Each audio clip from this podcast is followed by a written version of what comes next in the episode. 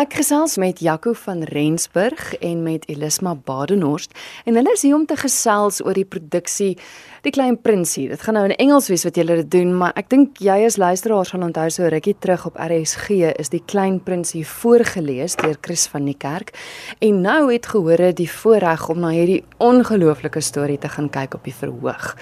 Elisma jy's weer die die regisseur. Ja. Ek lees in die persvrystelling Dis die klein prinsie soos niemand dit nog ooit gesien het nie. dit is wie jy weet was nou al, jy weet met met ons produksies probeer ons al altyd ag nee, nee, ons probeer nie uniek wees nie, maar daar's altyd al 'n 'n nuwe spin so so ehm um, as ek so kan sê.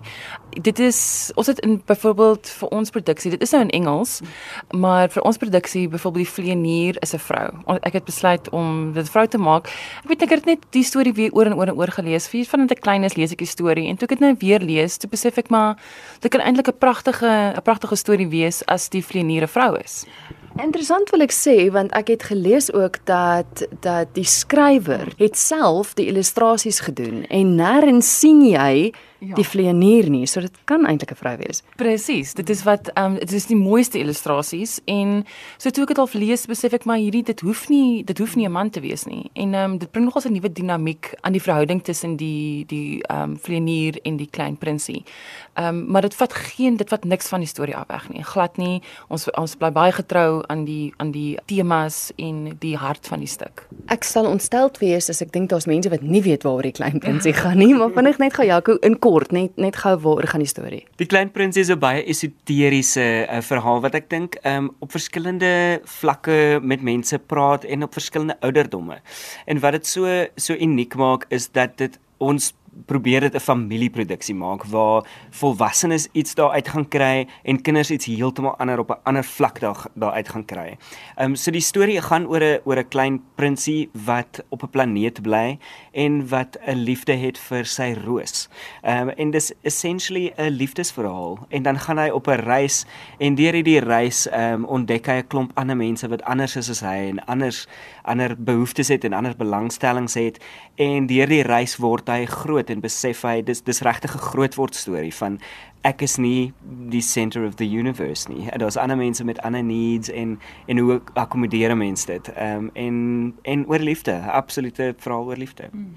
Die storie speel eintlik op 'n een plek af ja. waar die prinsie en die vleienier ontmoet maar daar's heeltyd die vertelling van ja. wat gebeur het, waar ja. hy was, ek neem in julle beeld dit alles uit. Ons doen ja, ons het 'n baie interessante manier wat ons dit doen. So ons ons klein prinsie word deur ons het 'n pragtige pragtige panrako poppie laat maak.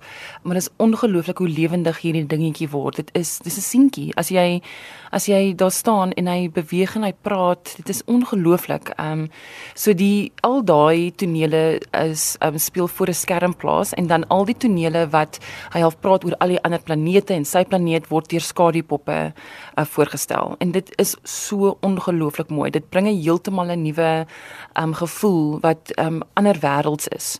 So ons speel heeltyd tussen die die vleenier wat 'n regte aktrise is en dan die Banrako poppie en dan die ehm um, pragtige pragtige skadupoppe wat agter hulle afspeel. Verduidelik gou wat is 'n Banrako poppie? Dit is so dis 'n Japaneese tipe ehm um, styl van van puppetry van van poppe maak. Ehm um, so dit is dit is 'n poppie maar hy kan sy koppie kan beweeg en sy arms kan beweeg en sy en sy handjies kan beweeg en dan is daar twee ehm um, gewoonlik 2 tot 3 poppe meesters wat wat die pop manipuleer. So hulle beweeg heeltyd saam saam saam met die poppie en een van die van die persone is is die stemmetjie.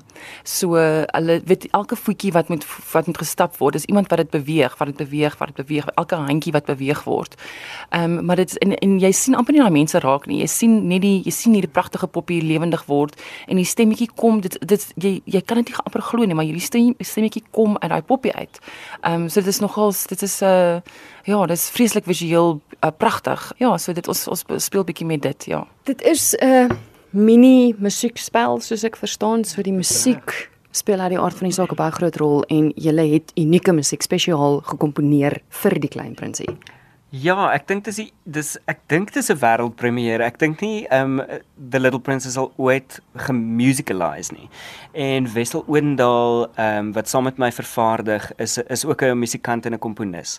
En hy het die mooiste liedjies geskryf vir die klein prinsie en die die jakkals en al die mense wat wat die prinsie ontmoet um op hierdie reis. So dis dis dis dis net 'n uur lank en dit dit beautiful beautiful musiek. Baie catchy.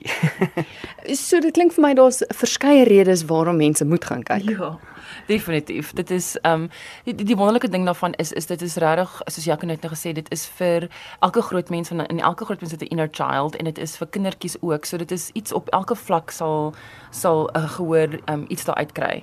So dit is die dit's pragtig dis 'n mooi storieetjie maar vir ouer mense weet wat nou al bietjie geleef het en bietjie tragedie in hulle lewe en bietjie hartseer en en baie liefde al ervaar het. Hulle sal hulle sal op 'n dieper vlak die die storie verstaan.